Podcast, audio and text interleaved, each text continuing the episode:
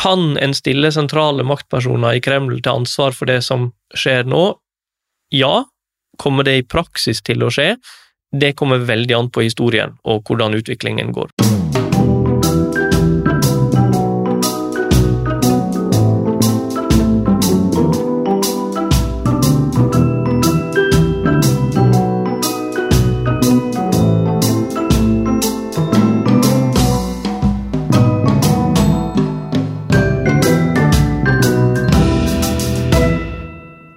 Er det klart for en ny episode av Rett og slett, en podkast om det som er rett og det som er slett i vår rettsstat.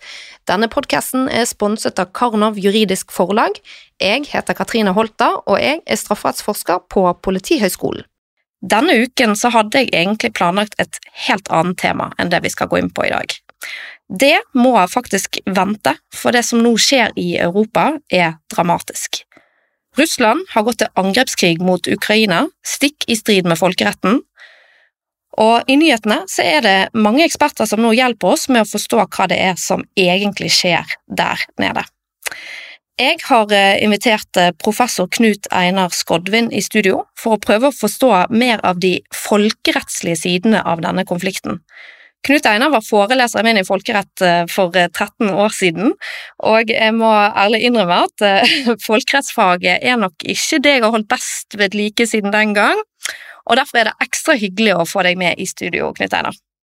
Nå, nå, følte jeg meg skikkelig gammel, men, men tusen takk! ok, uh, det er jo Vi er allerede i gang å, å le og sånn, og så må det jo være når det er så alvorlig, altså at uh, man blir nesten litt uh, ja, som motreaksjon. Men hvordan skal vi egentlig forstå det som nå skjer i Ukraina i lys av folkeretten? I, i lys av folkeretten så det oppstår veldig mange interessante problemstillinga, og nå går jo jeg i fella med en gang ikke sant, i å bli jurist og begynne å snakke om det som er interessant med noe som egentlig er en enorm tragedie. Men det oppstår veldig mange spørsmål. men veldig, De sånn sentrale kjernebitene i det som skjer, er egentlig ganske enkelt. Dette er en invasjon. Dette er eh, på en måte sånn Dette er det folkeretten egentlig finnes for å skulle forhindre. Eh, så dette er på en måte sånn Alle normene er satt til side, og, og så eh, har en valgt bevisst å sette seg utover rettssystemet. Mm. Og respekt for eh, andre lands suverenitet er jo helt elementært i folkeretten. Mm. Hvorfor er det sånn?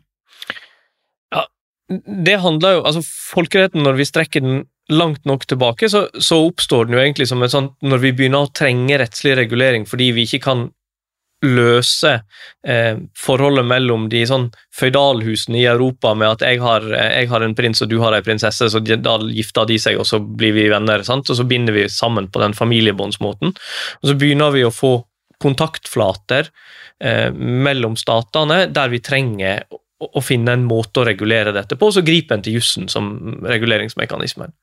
Og, så, og, det er der folkeretten på en måte har opphavet sitt og ligger som en sånn måte å ordne ting på. Og veldig, mange, veldig mye av folkeretten handler om helt sånn hverdagslige post, men, nei, helt hverdagslige ting. Men bare det å få postvesen til å fungere, krever jo f.eks. et enormt nettverk med avtaler. Sant? Så det begynner på sånne helt mundane ting, og så blomstrer det opp derifra.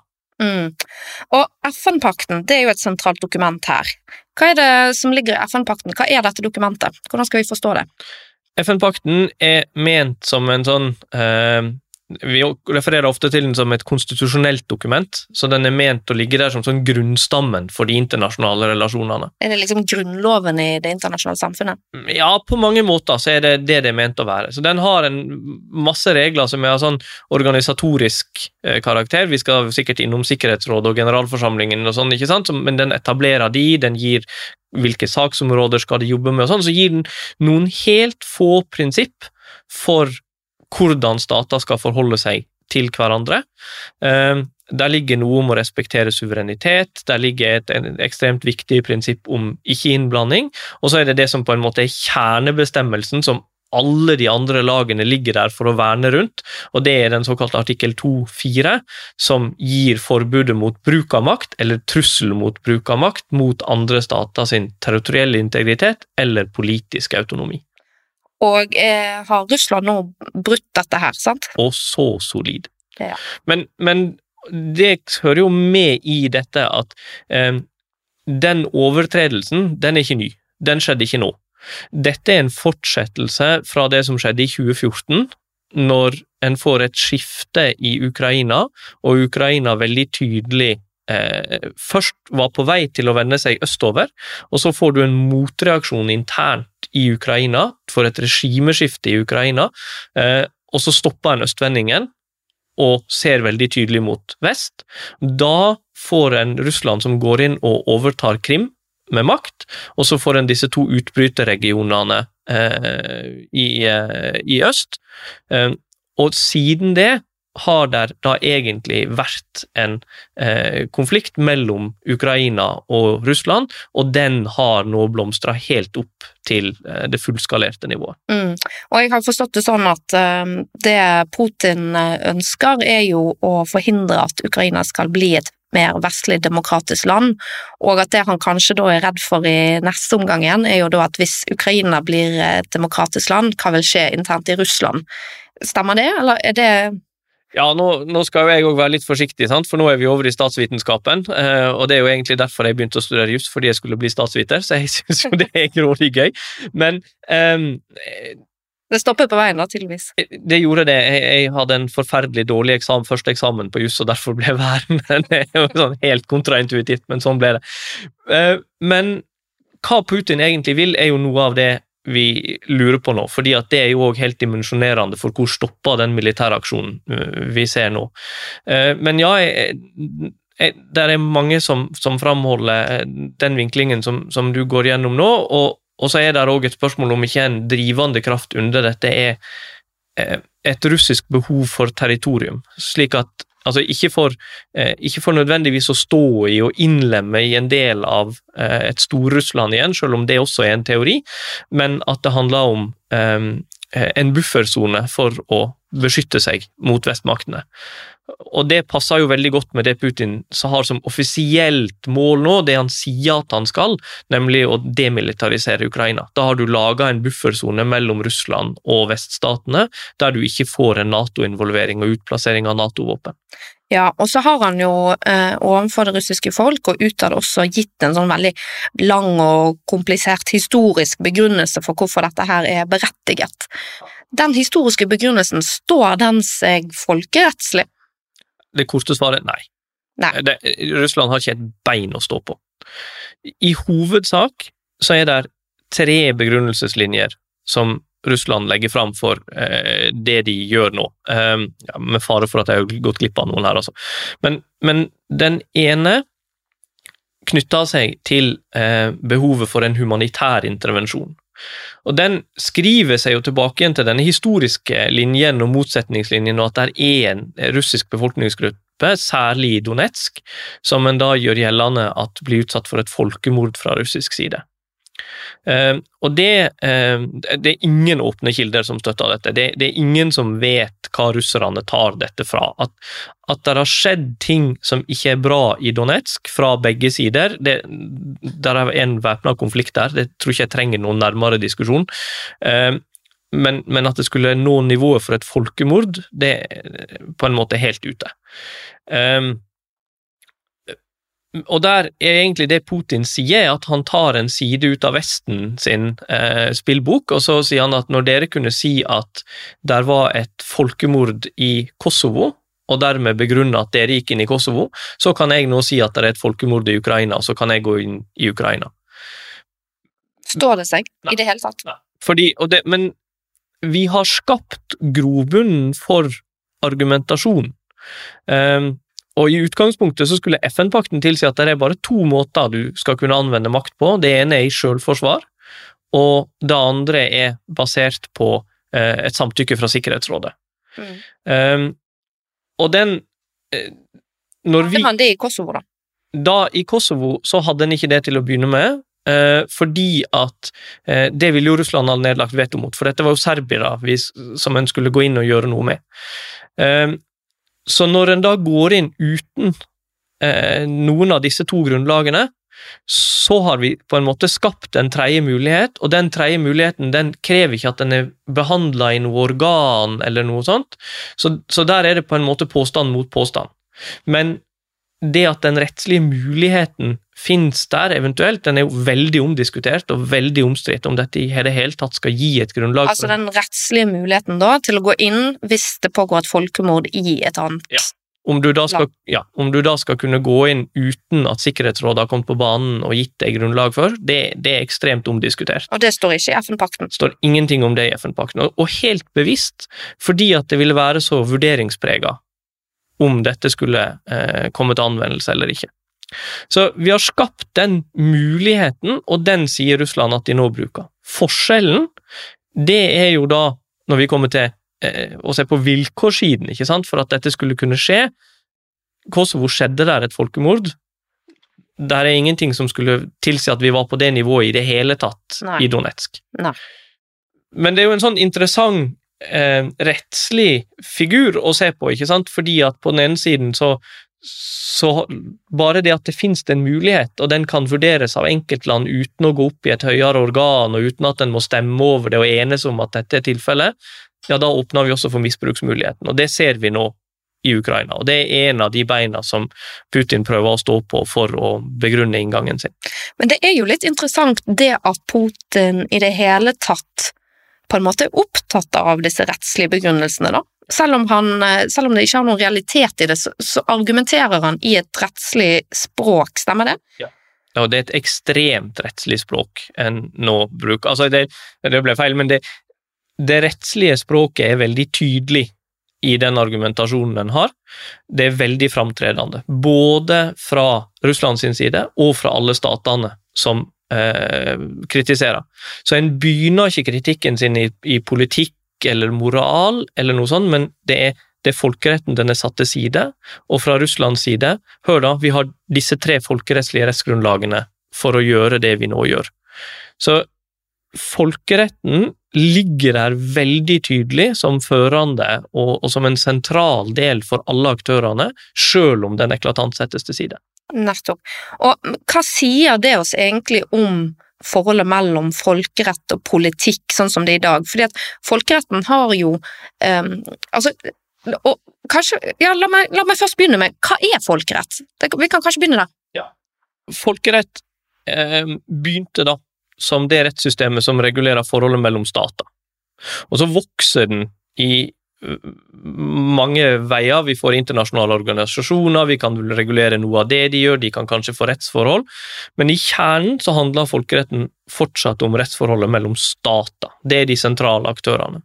Og så har vi utvida den så langt at enkeltindividet kan bli ansvarssubjekt.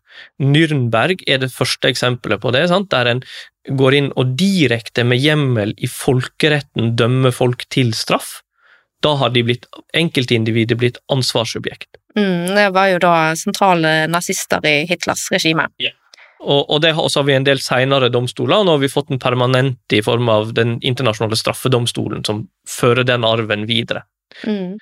På den andre eh, i enden i det, som viser litt sånn hvor langt vi er kommet, så, så har vi stoppa kort av å gjøre individene til rettighetssubjekt alene. De er avhengig av statene for å få lov til å håndheve, sånn at de får i veldig liten grad selvstendige rettigheter, men staten din får krav på at du f.eks. behandles på Mhm. spesifikke måter, og så kan staten din protestere. Ja, så de aktu aktuelle eh, rettssubjektene, som man sier på, på en måte i et, i et rettslig språk, da, det er jo da statene og ikke individene i disse statene. Ja. Men så har du jo det der med vern av sivile, da. For eksempel, og det er jo da høyaktuelt i det vi ser nå, så, så skal sivile de skal vernes i situasjoner der makt brukes, og krigsfanger har eh, særregler for hvordan de skal behandles. Men det er det da eh, staten som har krav på at de behandles på denne måten, og så får de avleda posisjonen av staten sin. Så når Ukraina tar russiske krigsfanger, hvis de ikke behandler de i samsvar med reglene i Genévekonvensjonen, så er det Russland som er krenka. Aha. Og så har vi noen eksempel ikke sant, på at individ kan gjøre gjeldende rettigheter direkte, Den europeiske menneskerettighetskonvensjonen og domstolen, men det er jo da fordi det finnes en tilleggsprotokoll til Den europeiske menneskerettighetskonvensjonen, som sier at også individ kan klage til en internasjonal domstol over brudd på dette. Så det er noe statene har gitt spesielt, ikke noe som finnes generelt i folkeretten. Ja, og så er det det da at de individene likevel kan gjøre seg skyldig på individuelt nivå i krigsforbrytelser. Ja. Og internasjonale forbrytelser. Og hvilke internasjonale forbrytelser har vi? Ja, vi har en ganske lang rekke, eh, men vi har et eget regelsett som eh, vi internasjonalt da omtaler som enten law of armed conflict eller international humanitarian law. På norsk snakker vi om det fortsatt som krigens folkerett, men det er egentlig en dårlig terminologi, fordi krig finnes det ikke lenger i den folkerettslige terminologien. Men der har vi egne regler om hva som ikke er lov å gjøre i en stridssituasjon. Og de grove overtredelsene av de reglene, eh, de kvalifiserer også som krigsforbrytelser, som en da kan dømmes til individuell, for individuelt straffansvar for overtredelser. Og da har vi da folkemord og Folkemord, vi har grove angrep på sivile, eh, eh, seksualisert vold eh, er der en rekke bestemmelser knytta til. Så det er en sånn ja, Hvis du tenker på de verste tinga du tenker kan skje i krig, så har du en ganske grei liste over det som er omfatta. Ja, og disse forbrytelsene de finner vi også i den norske straffeloven, eh, men når det da i tillegg en internasjonal forbrytelse, så betyr det at et individ som har begått disse handlingene, kan på en måte komme inn under jur- jurisdiksjonen, som man sier, til disse internasjonale straffedomstolene, og som kan da dømme individer for disse handlingene også på, fra et internasjonalt eh, perspektiv, da. Og der har vi eksempel på opprettelse av sånne eh, domstoler, både etter Rwanda og etter det som skjedde i Jugoslavia. Og så har vi nå den permanente straffedomstolen i eh, ICC. Eh, og de har jurisdiksjon i dette tilfellet. Eh, de også er egentlig avhengig av tilslutning, men Ukraina ga en sånn det som da på fint heter for en artikkel 12.3-erklæring etter 2014. Så for alt som skjer på ukrainsk territorium etter 2014, så har Den internasjonale straffedomstolen jurisdiksjon. Mm. Og dette leder jo da opp til spørsmålet om eh, det som nå skjer, eh, det Putin nå gjør, er en internasjonal forbrytelse. Ja. Dette er kjernen i Nürnberg. Eh, Det som da på fint kalles for crime of aggression, aggresjonsforbrytelse, som er kjernen i Nürnberg-sakene. Så dette, dette skal kvalifisere der. Og hva er det som i, altså, i praksis eh, må til for å kunne stille han til ansvar for dette? Ja, det fordrer for det første at noen får tak i han. Eh, og jeg tror vi, vi skal Vi kan på en måte sitte og snakke mye om den fine jussen rundt dette, men her er det også en betydelig grad av eh, praktisk politikk og hva som praktisk går an å få til. Eh, Så jeg tror dette er en litt sånn Kan en stille sentrale maktpersoner i Kreml til ansvar for det som skjer nå? Ja. Kommer det i praksis til å skje? Det kommer veldig an på historien og hvordan utviklingen går. Men det er en mulighet både for eh, internasjonale tribunal. I tillegg så er dette forbrytelser som er omfattet av såkalt universaljurisdiksjon, som vil si at vi godtar at alle stater i verden eh, utøver myndighet knytta til dette. Så i teorien så kunne en da sette seg på eh, Putin sette seg på et fly og dra på ferie til eh, Arendal. Eh, og så kunne norske, eh, norsk politi pågripe han, og så kunne han bli stilt for en norsk domstol. Og, og her er det jo òg da unntak ikke sant, fra immunitetsbestemmelser osv. Statsoverhoder har i utgangspunktet immunitet, men ikke for disse groveste forbrytelsene osv. Så, videre. så det er et veldig komplisert rettslig nettverk som skal settes sammen her. Men sjansen for at Putin har tenkt å dra på ferie til Arendal, ganske begrensa. Mm. Ikke sant? Så han må egentlig holde seg borte fra europeisk og amerikansk territorium. Ja. Og så er det da en, igjen en del sånne eh, Hvis han da eksempel drar eh, til generalforsamlingen i FN, så er, sær, så er det også et spørsmål om vel hvor langt rekker immunitetsreglene, og hvor godt er en beskytta mens, eh, mens han er statsoverhode i Russland. Ikke sant. Ok, eh, så tilbake til det som jeg egentlig, det jeg egentlig bygget litt opp til. Fordi at folkeretten har jo blitt kritisert fordi at den, eh, den har visse utfordringer, og man har spurt seg om det egentlig er noe mer i dette enn politikk. Mm. En form for formalisert politikk. Mm. Hva tenker du om det? Ja, og, og, særlig for den situasjonen vi, vi, er i nå, så er det jo et sånt gammelt uttrykk om at mellom våpnene så tier loven. Um, jeg tenker at det er, det er to, særlig to svar på dette, på en måte. Og Det ene er at vel, hvis vi ser på den internasjonale argumentasjonen knytta til Ukraina nå, så er den så sterkt rettslig bundet at jeg tror det er liten tvil om å si at statene er veldig opptatt av det rettslige i dette, og de er veldig opptatt av det som er mekanisme. Også statene er på en måte, når du når statslederne blir intervjua, så er det nettopp denne muligheten for håndhevelse som de veldig fort kommer med, og at dette er ikke forbi, og her kan folk bli stilt til ansvar. Og den andre er jo at den parallellen en ofte bruker å trekke, den er jo til nasjonale rettssystem, og så si at det, altså det er ingen som spør om det norske rettssystemet finnes det et gyldig rettssystem fordi om noen kjører i fylla.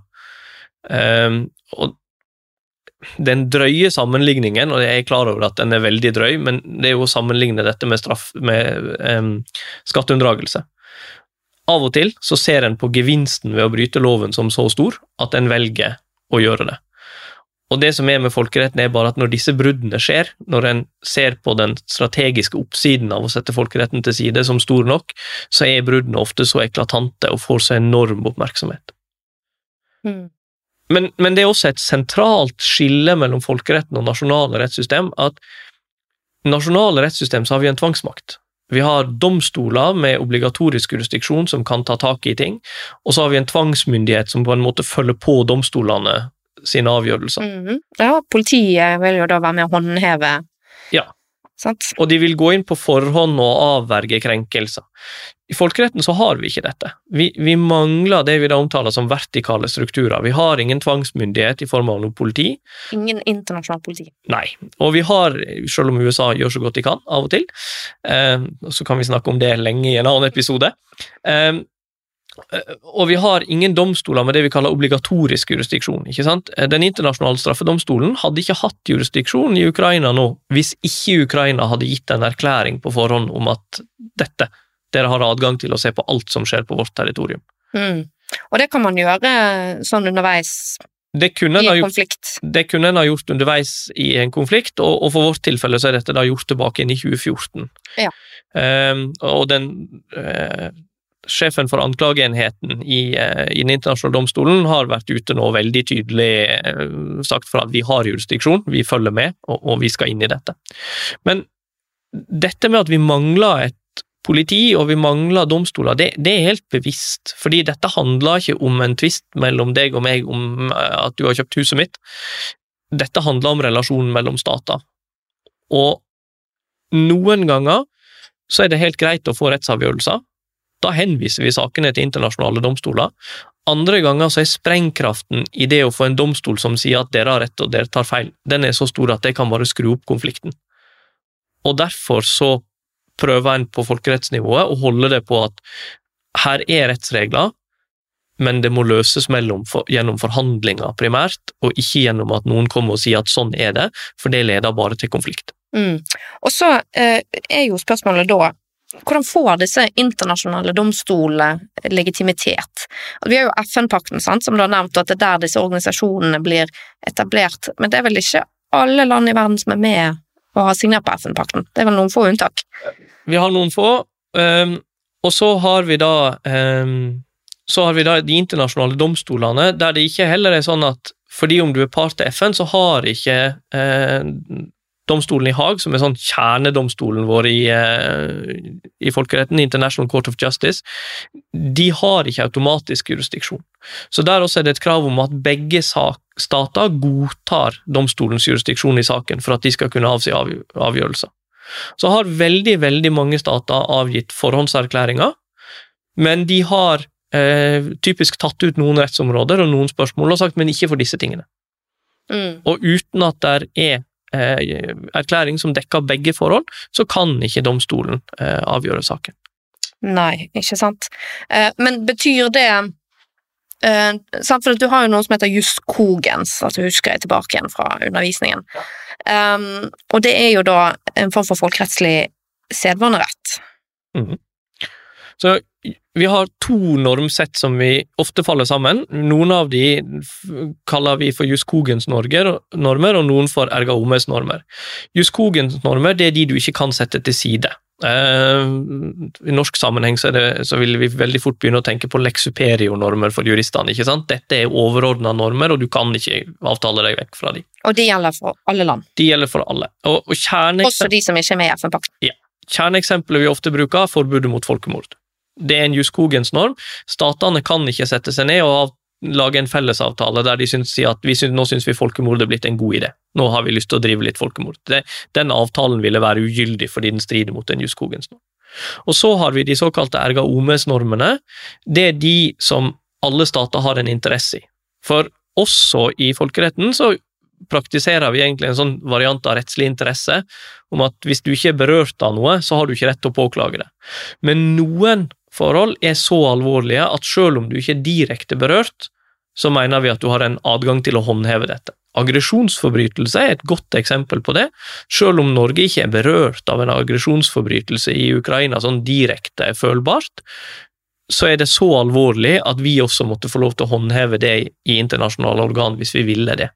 Hvordan da?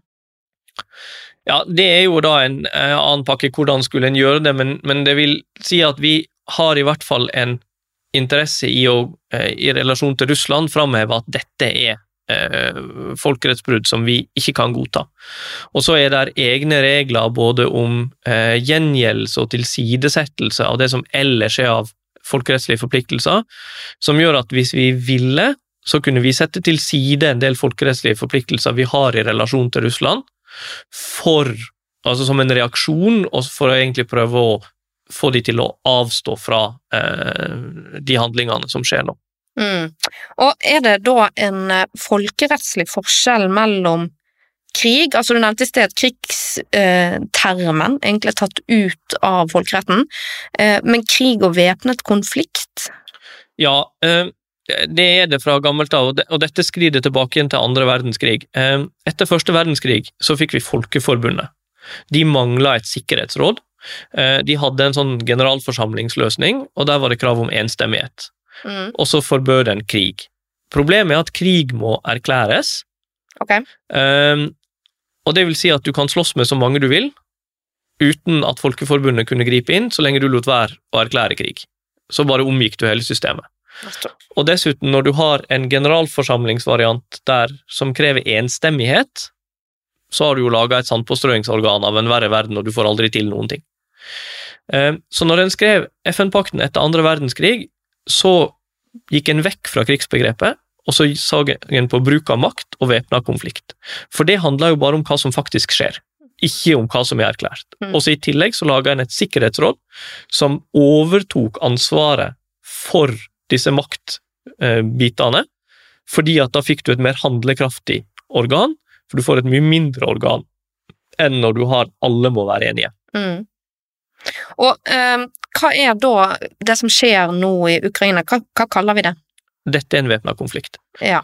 Eh, og så er det en diskusjon, vi skiller også da mellom interne væpna konflikter og mellomstatlige eh, væpna konflikter. Der er litt ulike regelsett for de to. Og der er noe tvil om hvordan vi skal karakterisere det som har skjedd i Ukraina i Donbass og Luhansk opp til eh, Russland nå gikk inn, om det har vært internt og bare vært separatister som har fått stor russisk støtte, eller om ikke der også har pågått en form for hybridkrigføring fra Russland, slik at det har vært en mellomstatlig konflikt hele veien. Ja, og hva er en hybridkrig? Det er jo et ord man ofte hører, men eh, jeg har i hvert fall ikke alltid hatt en så veldig klar forståelse av hva det innebærer. Nei, eh, hybridkrig er ikke en rettslig term. Så rettslig så har vi en væpna konflikt, eller vi har ikke en væpna konflikt. Det er liksom utgangspunktet.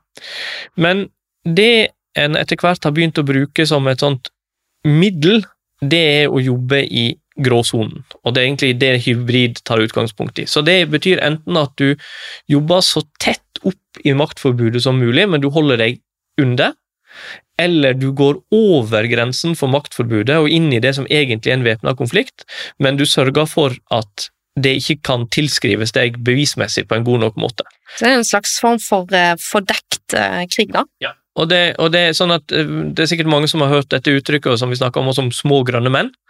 Og små grønne menn det er regulære soldater, men de har tatt av seg flagget på skuldra. For det gjør det vanskeligere å vite hvor de kommer fra. Så da kan du sende inn styrkene dine, men du benekter det.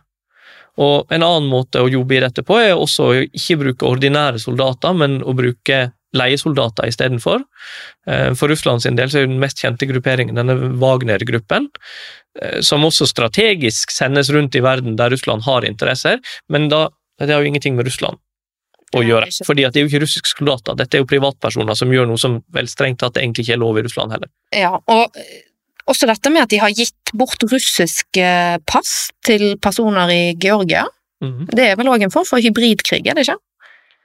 Eller jo, det er å strekke begrepet, kanskje? Vi, vi vil vel ikke vi, Det er ikke en del av en sånn væpna konflikt, men det er klart det at en sentral del av Russland sin argumentasjon i disse sammenhengene det er at de skal inn og beskytte eh, enten russisk nasjonale grupper, eh, russisk språkbrukende grupper eller russiske statsborgere i andre stater. Så jo flere du da har med ditt pass, jo mer faktisk grunnlag legger du for den påstanden. Mm. Og så er det disse cyberangrepene og sånn, da. Som også er en del da av eh, en sånn hybridsak. Og fordi at det er så vanskelig å finne ut hvem som har gjort det, og hvem som står bak. Sant? Så da lager du en sånn tåkelegging. Så, så, det er egentlig det samme som for å låne fra nasjonale rettssystem, det er det samme som all annen kriminalitet, der du bare gjør beviskjeden så vanskelig å trenge gjennom som mulig. Det er jo litt sånn paradoksalt at selve liksom hybridkrigkonseptet Det viser jo på en måte en slags anerkjennelse for at folkeretten eksisterer. Jobber, en jobber ekstremt tett opp mot folkeretten, driver veldig analyse av blir vi tatt for dette, og hvor går grensene hen, mm. og så planlegger en eh, i henhold til det. Og det viser jo på en måte en slags eh, ja, at dette systemet har etablert seg, da. At det er noe mer enn politikk. Jeg, jeg, tenker det, Dette er blitt en det er blitt mer en, formalisert politikk, og så må vi bare ikke gå i fellen at vi tror at fordi at det settes til side, og til sider eklatant, betyr det at det ikke fins. Ikke sant. Um, ok, men uh, hybridkrigene, er de nærmere regulert i folkeretten? Altså, du sa at det ikke var et rettslig begrep, men, men hvordan kommer det inn Eller er hele poenget at du på en måte holder deg akkurat utenfor det som er du, ja, hele poenget er at du enten holder deg akkurat utenfor, eller at du i hvert fall ikke kan tilskrives deg at du deltar, og dermed så hindrer du at resten av regelverket lett kan anvendes mot deg, og at hvis noen prøver da å anvende resten av regelverket mot deg, så framstår de som den aggressive part. Mm. For du har jo ikke gjort noe galt. Men Russland har jo ellers eh, vist til at de bruker såkalt preventivt selvforsvar for å verne seg da mot Nato. Og da lurer jeg på om stater har en rett etter folkeretten til å drive med preventivt selvforsvar, og hva er det? Ja. Og Da er vi kommet til det andre beinet som Russland prøver å stå på i, i denne konflikten. Eh, preventivt selvforsvar framgår ikke eksplisitt av FN-pakten. Eh, FN-pakten tar utgangspunkt i at du har en adgang til å forsvare deg hvis du har vært utsatt for et armed attack, altså et væpna angrep. Eh, og da er det en ganske høy terskel for når vi sier at noe er et armed attack. Så du har en uh, sterk selvforsvarsrett? Da. Ja, den kan vi på en måte ikke ta fra deg, uh, var rasjonalet. Og så er det noe med at jo, men hvis selvforsvarsretten skal ha et reelt innhold, så er det ikke alltid du kan vente til du har, fått, til du har blitt slått. Noen ganger må du slå først, fordi at det første slaget det kommer til å knuse deg hvis du må stå og ta imot det slaget før du får lov å reagere. Mm. Og det er egentlig den tolkningen som ligger bak, at en i veldig stor grad aksepterer at det finnes en adgang til preventivt selvforsvar.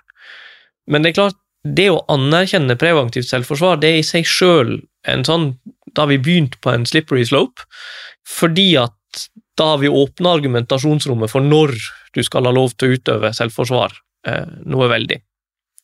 Og Russland anfører to former for preventivt selvforsvar. Det ene er at de sier at ukrainske militære planla et massivt angrep mot Donetsk eh, og Luhansk, eh, og der de måtte inn og støtte det de da, rett før dette skjedde, anerkjente som to selvstendige stater. Var det noen realitet i det? Nei da. Eh, altså I folkeretten så er det et krav om at for å bli en stat, så må du ha en viss grad av uavhengighet. Eh, disse to utbryterrepublikkene har aldri hatt den graden av uavhengighet fra Russland. De er helt avhengige av Russland for å kontrollere disse to områdene. Eh, så nei, det er ingen realitet i dette. Eh,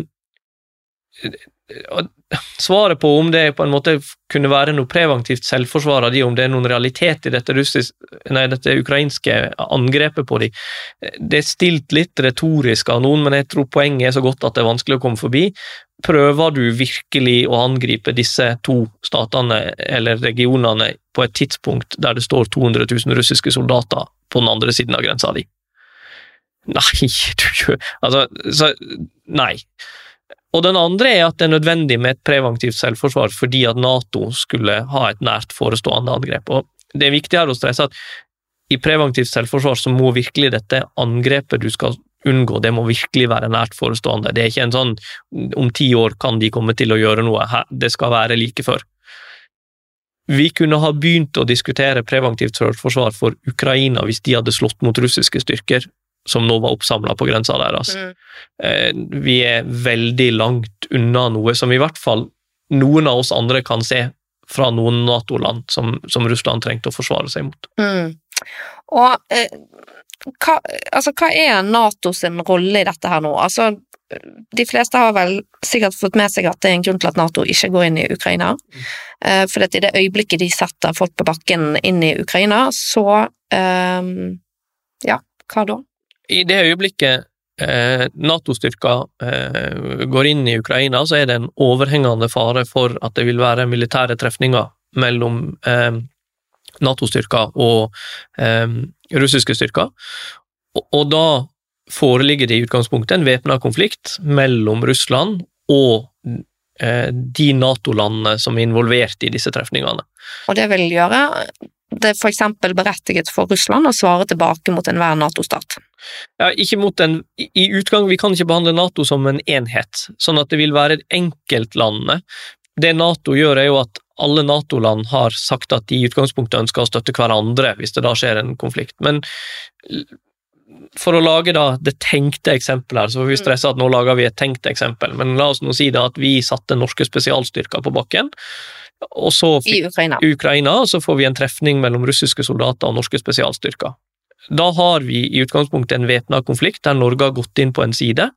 Og det åpna Norge opp, at alle militære mål i Norge er også da tillatte mål fra Russland. Så da kunne vi, da ville Russland sånn sett i og for seg være innenfor krigens folkerett om de angreip mål i eh, Norge. Mm. Det betyr ikke at slike angrep ville være rettmessige, men krigens folkerett har egne regler som knytter seg til målutvelgelse, hva det, og hva som da er tillatt å skyte på og ikke, og innenfor de reglene så ville det være helt eh, innenfor å gjøre. Ville vi da fort vært i en tredje verdenskrig? Altså, ja, verdenskrig er jo ikke, igjen, er jo ikke et rettslig term, så det kommer litt an på hvordan du definerer det, om det handler om området der det skjer, eller om det handler om hvor de statene som eh, er involvert, kommer fra. Men en trefning mellom amerikanske og russiske styrker ville jo være tredje verdenskrig, på, i hvert fall etter definisjonen at geografisk så var samplingen til stede. Mm. Og da lurer jeg på hvilke muligheter har egentlig Nato for å bistå Ukraina sånn som situasjonen er nå, uten at vi skal komme dit? Ja, og da Bistand er jo egentlig et rent politisk spørsmål. Hvor langt vil vi gå? Uh, Ukraina sin eh, president har i, i hvert fall ett TV-intervju uh, sagt at uh, alle som vil, er velkomne til å støtte oss. Så åpningen for kollektivt selvforsvar under FN-pakten artikkel 51 er fullstendig til stede, og, og, alle som vil, kan bidra i Ukraina. Så det er jo et rent sånn politisk spørsmål, vil vi? Men hvis vi vil holde oss under nivået der vi kan sagt å bli invol direkte involvert i en militær konflikt, så må vi gå en grensedragning på hvor mye materiell støtte kan vi tilby. Men da er det materiell støtte vi kan tilby.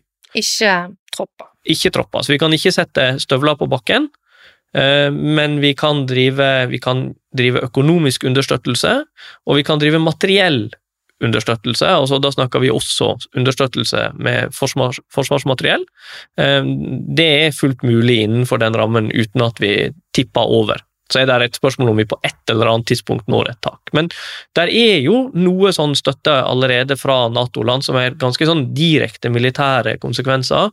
Romania har tatt imot fly fra Ukraina for at de ikke skal bli eh, skada på bakken. Og I det øyeblikket en f.eks. begynner å tilby den typen at de får lov, ukrainske fly får lov til å operere fra eh, baser i Nato-land, så begynner du å få et spørsmål om vel, hvor går egentlig grensen her. Mm. Ikke sant. Uh, og, og, hvis vi da går litt inn på Norges rolle, for i Norge så har jo vi en lov fra 1959 som hindrer Norge i å sende våpen til en væpnet konflikt, hvis jeg har forstått uh, dette riktig. Mm. Hva er det denne loven går ut på, hvorfor har vi den? Vi har en eksportkontrollov som egentlig skal sørge for flere ting. Den ene er at den skal hjelpe oss å holde oss utenfor konflikter som vi ikke vil inn i. En kunne lett tenke seg at hvis vi drev massiv eksport av forsvarsmateriell, ikke sant, så ville vi bli sett på som part til konflikten. Og så skal den hjelpe oss å, å holde teknologikontroll. Veldig mye våpen, og Norge er, er ganske gode på dette. Kongsberg Gruppen er på sine ting veldig gode. Um, de er jo høyteknologi, og vi vil jo ikke at det skulle falle i hender på fiendtlig innstilte stater. Så Derfor så eksportkontroll gjør at vi kan holde kontroll på hvem som får hvilken teknologi. Loven er en ren rammelov, den sier kongen kan. Og så er det gitt eh, en omfattende forskrift, og så er det en omfattende praksis. Hva er en rammelov? En rammelov den sier egentlig bare at kongen kan, og så har Stortinget kasta kortene og sagt at her får regjeringen lov til å styre. Så, så den sier egentlig bare at den gir en veldig vid ramme og sier at dette kan kongen bestemme noe om, Altså regjeringen. Og at kongen betyr da regjeringen. Og så har regjeringen utforma nærmere regler i forskrift. Og så finnes det to stortingsvedtak, ett fra 56 og ett fra 67, som, som, tar opp akkurat dette med at vi skal ikke eksportere til stater som er i væpna konflikt. Vi skal ikke bidra direkte inn i konflikten. Mm. Hvorfor har vi de vedtakene? Vet vi noe om det? Eh, ja, nå skal jo jeg igjen være litt forsiktig, men, men, det handler jo da nettopp om at Norge skal jo være en fredsnasjon. Og vi, vi, prøver veldig å holde på det, også fordi at det gir oss en posisjon for å være forhandler. Norge har en veldig god posisjon for å forhandle i konflikter mellom andre stater, fordi vi er en ganske liten og ubetydelig stat eh, i utkanten av Europa, som ingen egentlig bryr seg om om de fornærmer i særlig grad.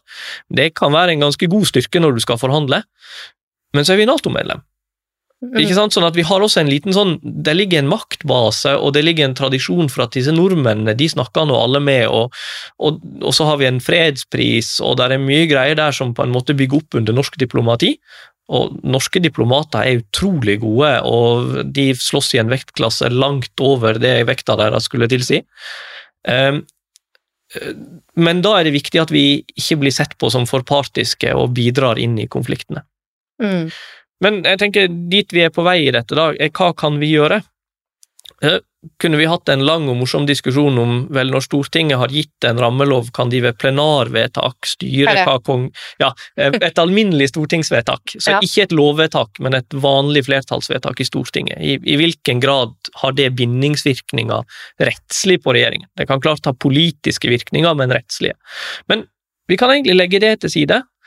Um, I dette vedtaket og det er presisert i dette 67-vedtaket fra Stortinget, og dette går igjen alltid senere. Disse to vedtakene er reprodusert hvert år når eh, regjeringen gir en sånn eksportkontrollmelding til Stortinget. Så henger disse to vedtakene med om at vi skal ikke drive eksport av våpen til stater som er med i krig, eller der krig truer.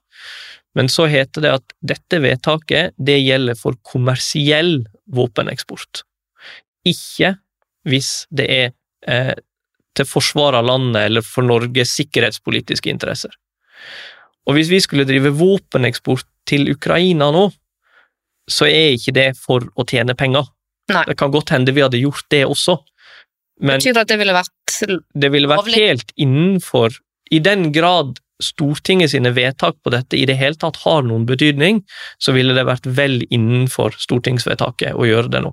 For dette med hva som er i Norges sikkerhetspolitiske interesser, og hva som er til forsvar av Norge, det har vi jo ellers tolka veldig vidt. Det er jo en formulering til forsvar av, av landet, er jo en formulering vi finner i Grunnloven eh, 26. Det er en forutsetning for å sende norske styrker i kampoppdrag til utlandet. Eh, og vi har jo ikke akkurat sånn at vi har deltatt i få kampoppdrag eh, de siste ti årene. Ville det vært noe bakside med at vi sendte våpen? Ja, Russland vil jeg se på som enda tydeligere å gå inn i konflikten. Og vi har en balansegang å gå der fordi vi har en grense til Russland. Og den grensen er viktigere for Russland enn det kan virke som. Fordi at eh, Russland sin kanskje viktigste marinebase ligger på Kola. Umiddelbart over grensa fra Norge.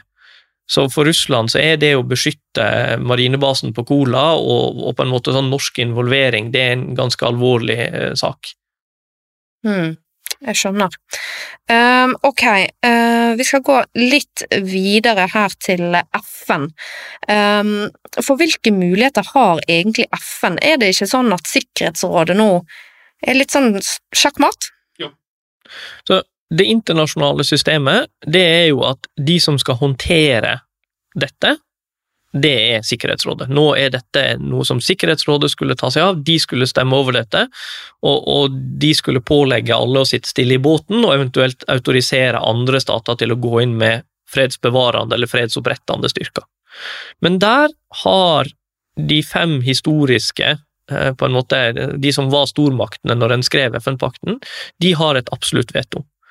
Så USA, Russland, Kina, England og Frankrike er vetostater og, og kan si nei.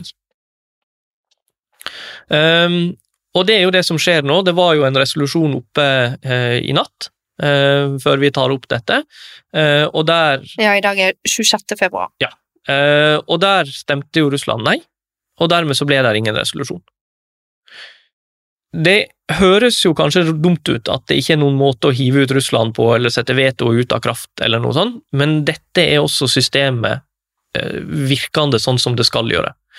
For hele poenget med FN kom i et lite punkt i fortalen til FN-pakten, som er en sånn fin beskrivelse av hvorfor skriver vi dette, og der står det at poenget her er to save succeeding generations from the scourge of war. Og hvis vi må ha krig, så skal vi ha den så begrensa som mulig. Og da må vi unngå at disse stormaktene kommer i konflikt. Så for andre stater, for eksempel USA, så kan de nå gå inn i Ukraina som en del av et kollektivt selvforsvar, men du står mye stødigere og med verdenssamfunnet mye mer bak deg hvis du kunne si at her, Sikkerhetsrådet har sagt at nå skal dette løses sånn, så det er uh, Russland, dere er the bad guy her, og nå, nå skal vi inn med Sikkerhetsrådet i ryggen. Den legitimiteten, den kan de ikke få nå, og det gjør at det er mindre sjanse for at vi får stormakt mot stormakt i konflikten. Ja. Det er veldig utilfredsstillende, åpenbart, hvis du er i Ukraina, for det betyr at Ukraina blir lidende mye mer alene enn det de kunne ha vært, men det hindrer eller kan potensielt i hvert fall være med å hindre at konflikten eskalerer utover å være en regional konflikt eh, i det området. Mm. For det Sikkerhetsrådet i prinsippet kunne vedtatt, er jo da å sende inn styrker, ikke sant? Ville det vært fredsbevarende styrker? Eller væpnede styrker? Det ville vært væpnede styrker. Fredsbevarende styrker er normalt også væpna, eh, men, eh, men, akkurat nå så vil Hva er forskjellen? Uh, ingen. Uh, Akkurat nå ville det vært det vi ofte da kaller for fredsopprettende styrker, fordi nå er det åpen kamphandling. Men det, dette, har, dette, er sånn terminologi som ikke betyr all verden, rettslig sett. Eh, kjernen i det er at maktforbudet ligger der. Maktforbudet forbyr i utgangspunktet stater å bruke makt mot hverandre, men det kan suspenderes av Sikkerhetsrådet. De kan si at vet dere hva, nå kan de som vil, eller disse bestemte statene, de kan gå inn i dette området, de kan bruke makt for og så oppgir de en nærmere liste med formål, og det krenker ikke de internasjonale forpliktelsene. Mm. Men i eh, FN så er det jo flere organer også, ikke sant? Altså Du har Sikkerhetsrådet, og så har du denne her eh, Generalforsamlingen. Generalforsamlingen. Og hva, hva det, hvilke muligheter har de? Generalforsamlingen er egentlig et rent sandpåstrøingsorgan. Ehm, de eh, Det var stygt sagt mot generalforsamlingen, men de kan ikke vedta noe som er rettslig bindende i utgangspunktet. Det finnes noen måter å jukse dette til på, men utgangspunktet er ingenting som er rettslig bindende, eh, og rent rådgivende uttalelser.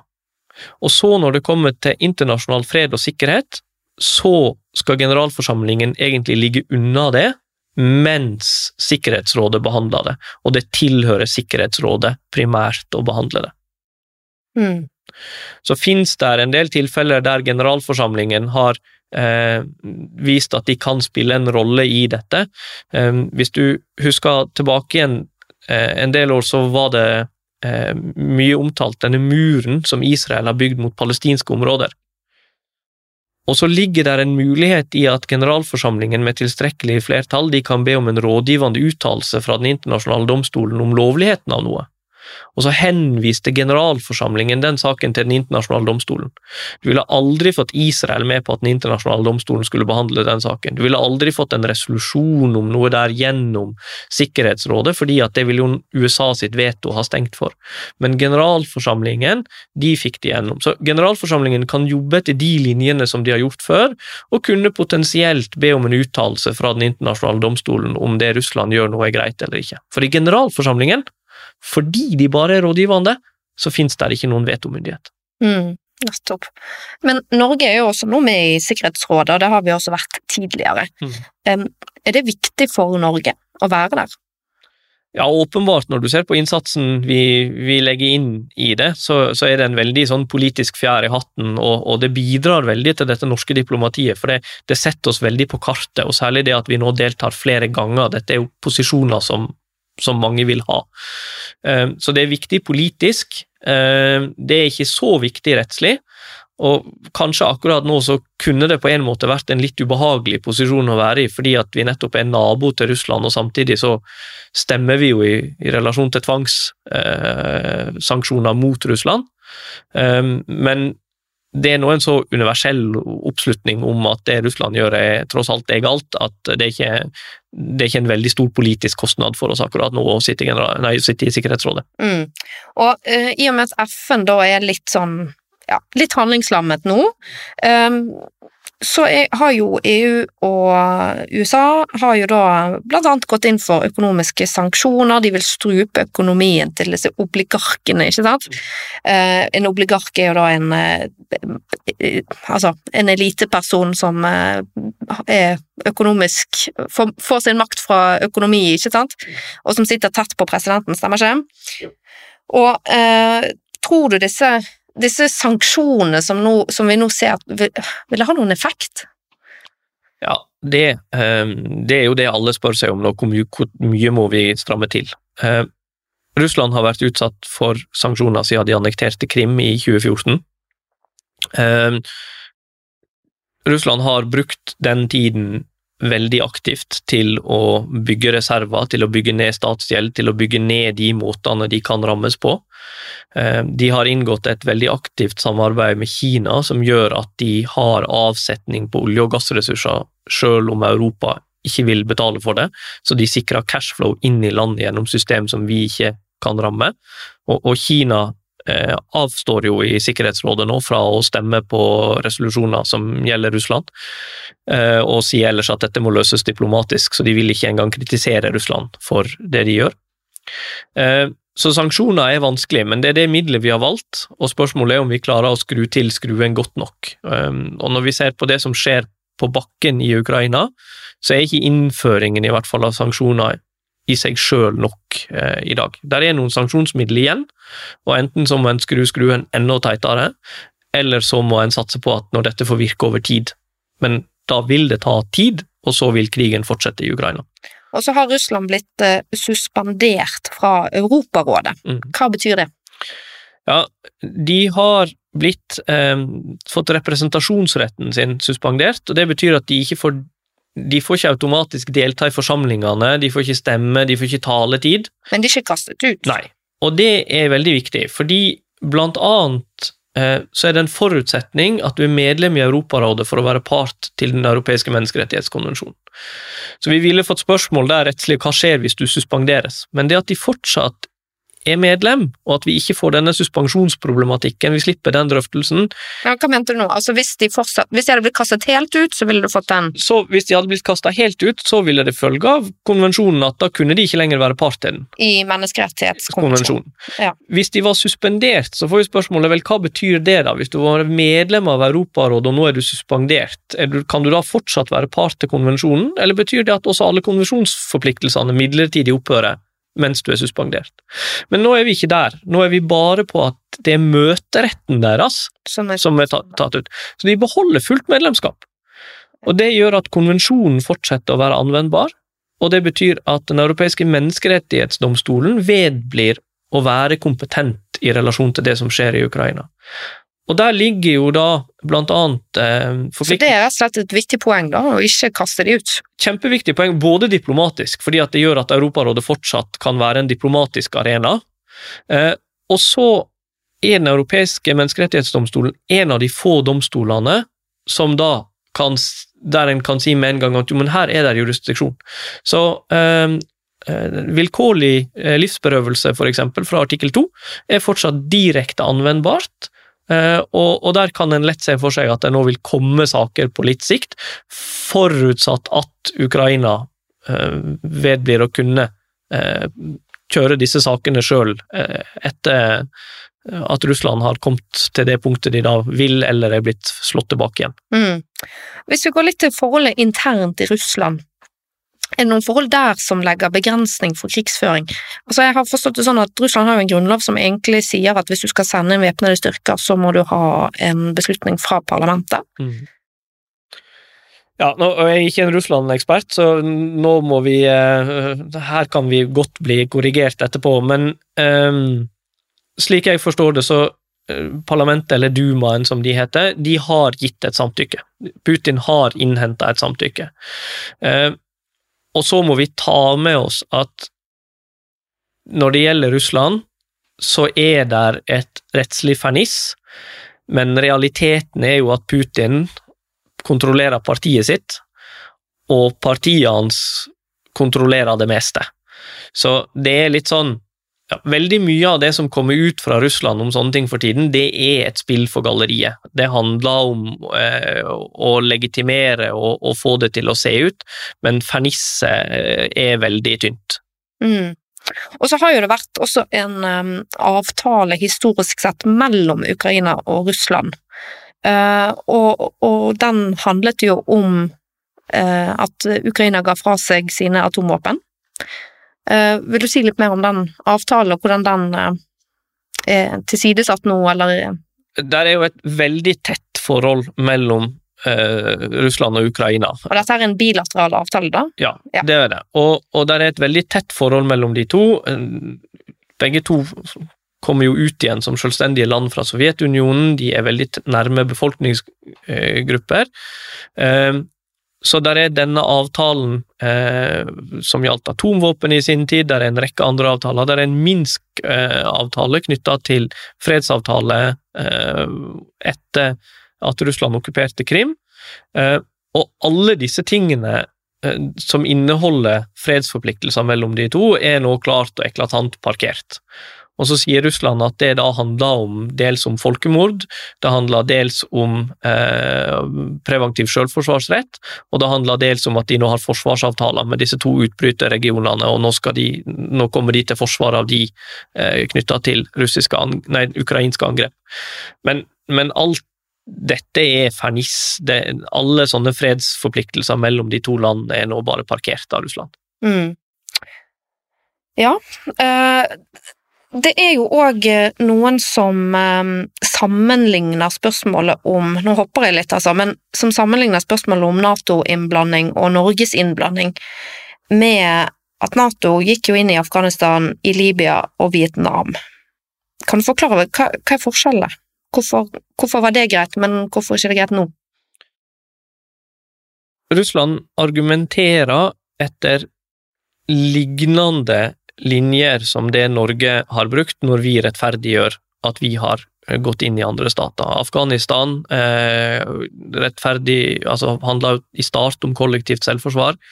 Eh, Libya er litt annerledes, der var det en sikkerhetsrådsresolusjon til grunn, men, men Russland bruker akkurat disse internasjonale mekanismene og de folkerettslige termene men forskjellen er jo vilkårsoppfyllelsen. Så kan vi diskutere om det var adgang til selvforsvar mot Afghanistan. Der, der går det en debatt, og, og, der er det ulike syn.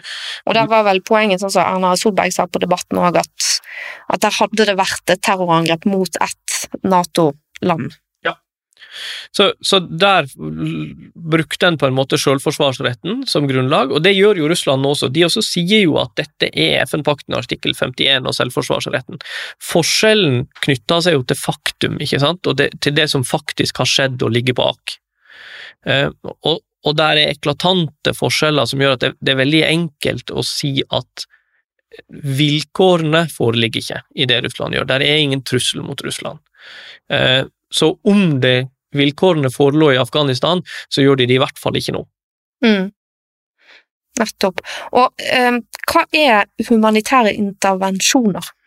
Ja, humanitære intervensjoner de handler da først og fremst om at du går inn i et land for å verne befolkningen mot grove overgrep fra, enten fra styresmakten i landet, eller der styresmakten i landet ikke klarer å verne befolkningen, men ikke ønsker å eh, sjøl verne de, eller å sjøl invitere andre til å hjelpe seg. Mm. Og hvordan står de folkerettslig sett? Ja, de, Da er vi tilbake igjen til Kosovo, ikke sant? Og, og det står ingenting om det i FN-pakten. Det var ikke i Når den ble skrevet, så var ikke dette ment som et grunnlag, det var ikke noe en hadde oppe og Det var ikke ment det skulle være lov? Det var ikke meningen å skrive det inn. Dette var i tilfelle noe Sikkerhetsrådet måtte håndtere, for da måtte den humanitære situasjonen i staten bli av en sånn karakter at den trua internasjonal fred og sikkerhet, og i så fall kunne Sikkerhetsrådet autorisere noen til å gå inn for å eh, stabilisere situasjonen. Og så, når Sikkerhetsrådet blir handlingslamma, så etablerte en dette på siden. Um, så den humanitære intervensjonen er da det som når Russland da sier at det foregår et folkemord i Donbass fra ukrainsk side, så er det humanitær intervensjon de viser til som grunnlag for sin intervensjon. Mm, ikke sant. Innledningsvis så var vi jo innom dette begrepet om krigens folkerett. Uh, hva ligger i det, sånn rent praktisk sett, når vi nå ser uh, på det som skjer i Ukraina? Hvordan hvordan styrer det eller normerer det situasjonen? Mm. Kan eh, russiske styrker skyte på sivile, eksempel? Nei. Og, og, her skiller vi sentralt mellom to regelsett. Det ene er det som gjelder adgangen til å bruke makt, og det andre er det som, når du først bruker makt, uavhengig av om det er lov å bruke makt eller ikke, hvilke regler må du da forholde deg til? Eh, der finnes det regler tilbake igjen, vi kan telle veldig langt tilbake igjen, men St. Petersburg-deklarasjonen i 1868 er gjerne nevnt som ett av mange utgangspunkt. Eh, her er det regler som veldig tydelig går inn og sier hva er lov og hva er ikke lov å gjøre. Eh, og kjernen i de i dag, det er å verne de som er syke og såra, å verne sivile så langt som mulig mot effekten av det som skjer når makt anvendes i interstatlige forhold. Terrorbombing det er jo også et sånt begrep fra krigens folkerett, eh, og eh, filosofen Elisabeth Enskom har jo vært sentral i å utvikle med den etikken som ligger bak her. Eh, kjenner du noe til det? Ja, altså, dette handler jo igjen om at da angriper du sivilbefolkningen som mål. For da er ikke målet egentlig noe militært, men målet er å eh, skape et trykk i sivilbefolkningen som gjør at deres ledere igjen sier at vi må avslutte denne konflikten fordi at dette er for grusomt. Og det skal vi ikke drive med. Eh, krigens folkerett den eksisterer i et enormt spenningsfelt mellom to hensyn militær nødvendighet på den ene siden, som handler om hva trenger vi å gjøre militært for å nå strategiske mål, og humanitære hensyn på den andre siden. Og så hører vi at det der går aldri opp. sant? Vi kan aldri avveie de der to på en perfekt måte, men det er en masse regler som prøver å sørge for at vi verner sivile så langt som vi kan, mm. og til en viss grad så forsøker vi også å verne de stridende mot effektene av kamphandlingene. Så intenderte rettede angrep mot sivile, det er strengt forbudt. Ja. Men eh, sivile som på en måte eh, blir påvirket, drept, skadet som en konsekvens av et angrep som er rettet mot militære mål, hvordan står det seg? Det kan være helt greit. Der er det et proporsjonalitetsprinsipp eh, som sier da at når sivile blir skadelidende grunnet angrep på militære mål, så må det være en forholdsmessighet mellom den militære målet du skal nå, og den forventa sivile skaden. Og der skal det ikke være for stor forskjell på de, eh, og det militære må da oppveie eh, det sivile. Og så hører vi med en gang at rettslig så er dette en ekstremt vanskelig avveining, for dette er virkelig å sammenligne to helt ulike størrelser som aldri vil ha noe med hverandre å gjøre. Så det er en ekstremt vanskelig sammenligning å gjøre. Um, og vi har jo eksempel i dette på allerede. Der er jo annet et sykehus i Ukraina som skal ha blitt ramma av et missil. Um, og det, det, illustrerer problemet, fordi det å, det å ha sykehuset som mål vil være åpenbart i strid med eh, disse reglene. Men så skjer det jo feil i krig. Og, og de kan være menneskelige, noen kan ha plugga feil måldata, noen kan ha tatt feil av hva dette var. Mm. Uh, det skjedde jo også i, i um, Norge, altså under andre verdenskrig. Det var jo et engelsk bombefly som endte opp med å bombe en barneskole i Bergen. Ja, og, og sånne feil, det det kan skje, og det tar en på en måte inn over seg, at dette er jo pressa situasjoner med lite tid, og, og der mye skal skje fort, og, og, da kan typisk feil skje. Og så I tillegg så kan det jo være at det skjer regelrette feiltreff, sant? at alt har vært gjort riktig egentlig, men så svikter noe teknisk i missilet, trackingdata, et eller annet som gjør at det treffer et annet mål enn det det skulle. Mm. Og Det er jo da ikke feil. Men i og med at hele denne angrepskrigen fra Russland er, ikke legitim, så blir det jo uansett ikke greit her, i denne situasjonen. Ja, så det vil uansett være Egentlig så er det disse reglene legger, det er en sånn eh, Det er en dobbel ulovlighet. Ikke sant? Hvis du var ulovlig å bruke makt i utgangspunktet, så kan du ikke vise til at du har fulgt krigføringsreglene, og derfor er det i orden. Mm. Det vil, alt som skjer, vil fortsatt være rettsstridig, men du legger ikke oppå at i tillegg så brøt den de reglene for framferd når en først bruker makt. Mm. Og så er det en nær relasjon mellom disse reglene om framferd i krig og den internasjonale strafferetten. Så de grovere overtredelsene, sant, det er jo da det vi i tillegg sier at der legger vi på et individuelt straffansvar for de som sitter på kommandonivået. Mm. Ikke sant. I forkant av eh, denne episoden så la jeg ut en tweet der jeg eh, oppfordret eh, folk til å komme med spørsmål som de måtte ha um, til deg. Og, de, og, vi har vært innom flere av de, og vi rekker ikke å gå innom alt, men et av de som jeg syns var veldig godt, det er en som skriver da at det er flere som reagerer på at alle menn mellom 18 og 60 år må bli igjen for å kjempe i Ukraina. Og er dette i altså, Hvordan står dette seg i lys av dette sterke vernet som skal være om sivile? Altså, de blir jo da stridende, pliktet til å være stridende av ukrainske myndigheter. Mm. Men det ukrainske myndigheter egentlig gjør her, det er jo at de skaffer seg en hær. Uh, og allmenn verneplikt, det har vi jo også i Norge, mm. det er ikke mot folkeretten. Det er et forbud mot barnesoldater, så du kan ikke pålegge verneplikt på en måte som gjør at du skaffer deg en barnehær. Mm. Men når vi er over barneklassen, så er det helt greit å pålegge egne borgere å inngå i eh, de væpna styrkene dine. Så du kan tvinge noen Også passivistene. Ja, du, ja det, vi driver dårlig med beskyttelse av de på folkerettsplanet. Så, men du kan tvinge noen i å gå i klasse fra sivil til militær. Eh, det kan du. Men de som da er sivile, de skal beskyttes, og i tillegg så skal disse som inngår i de væpnede styrkene, de skal beskyttes når de ikke lenger kan delta i kamphandlinger, f.eks. For fordi de er blitt såra. Mm. Da tror jeg eh, vi skal eh, komme til en avslutning for dagens episode. Og Knut Einar, avslutningsvis så stiller jeg alle mine gjester spørsmål om det er noe de har lyst til å fremheve som de synes er rett eller slett i vår rettsstat. I dag har vi jo egentlig ikke snakket så mye om vår rettsstat, selv om vi har vært innom det òg, eh, men eh, jeg tillater meg en liten utglidning i tema for podkasten min, og det skal du også få lov til dersom du ønsker det i ditt svar. Så ja, det er jo et, det er et vanskelig spørsmål, særlig syns jeg kanskje det med rett, fordi at det er veldig mye positivt å ta tak i i den norske rettsstaten. Og særlig når vi snakker om temaer som i dag, så er det veldig lett å sitte og bli veldig glad for veldig mye som fungerer veldig bra. Eh, men, I Norge, da? Ja, i Norge. Eh, ellers òg, men ikke akkurat eh, i Ukraina. Men eh, når vi snakker om den norske rettsstaten og har dette vi har i dag som tema, så tenker jeg at det er kanskje grunn til å framheve eh, den lojaliteten vi har til at det er en internasjonal rettsorden. For den får jo et veldig gjennomslag i norsk rett. Eh, Stortinget og regjeringen er jo veldig opptatt av å oppfylle eh, internasjonale rettslige forpliktelser, og bruker de veldig aktivt. Vi som jurister er vant til det vi snakker om som presumpsjonsprinsippet, ikke sant? der vi bøyer oss over bakover for å i tolkning sørge for at vi ikke kommer til folkerettsstridige løsninger. Og vi har flere sånne lag med begrensninger. Så eh, det er kanskje en del av rettsstatsordningen vår som vi ikke snakker så mye om, men som når vi snakker om tema som i dag, så, så er det naturlig å, å ta opp. Mm.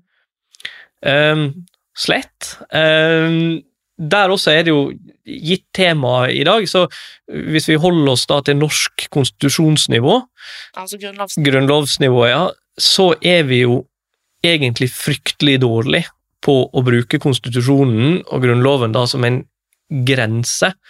Eh, vi har en tolkningspraksis av Grunnloven som gjør at vi stort sett kan tolke den til hva enn som framstår som meningsfylt på ethvert tidspunkt. Eh, du er jo velkjent med, med politiloven 27a sant? og Forsvarets bistand til politiet, som var et felt der Grunnloven alltid har hatt en bestemmelse som sier at det skal bare skje i lovsformer, og så har vi 200 års statspraksis på at dette med at vi trengte lov der, det hoppa vi lett bukk over, og så fiksa vi det for noen få år siden med en proposisjon som begynner med ordene at for å tilfredsstille lovskravet i Grunnloven, så gir vi nå, 200 år senere, en lov.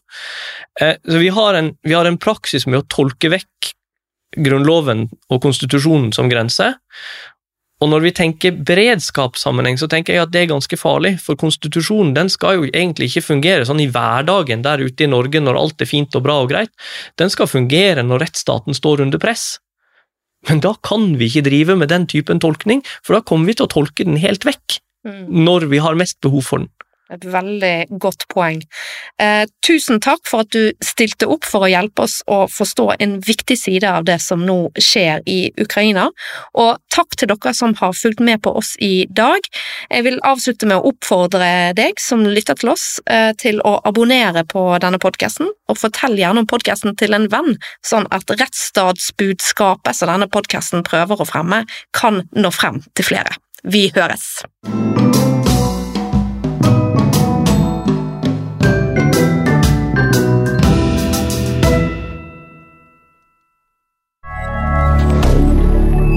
milliardaire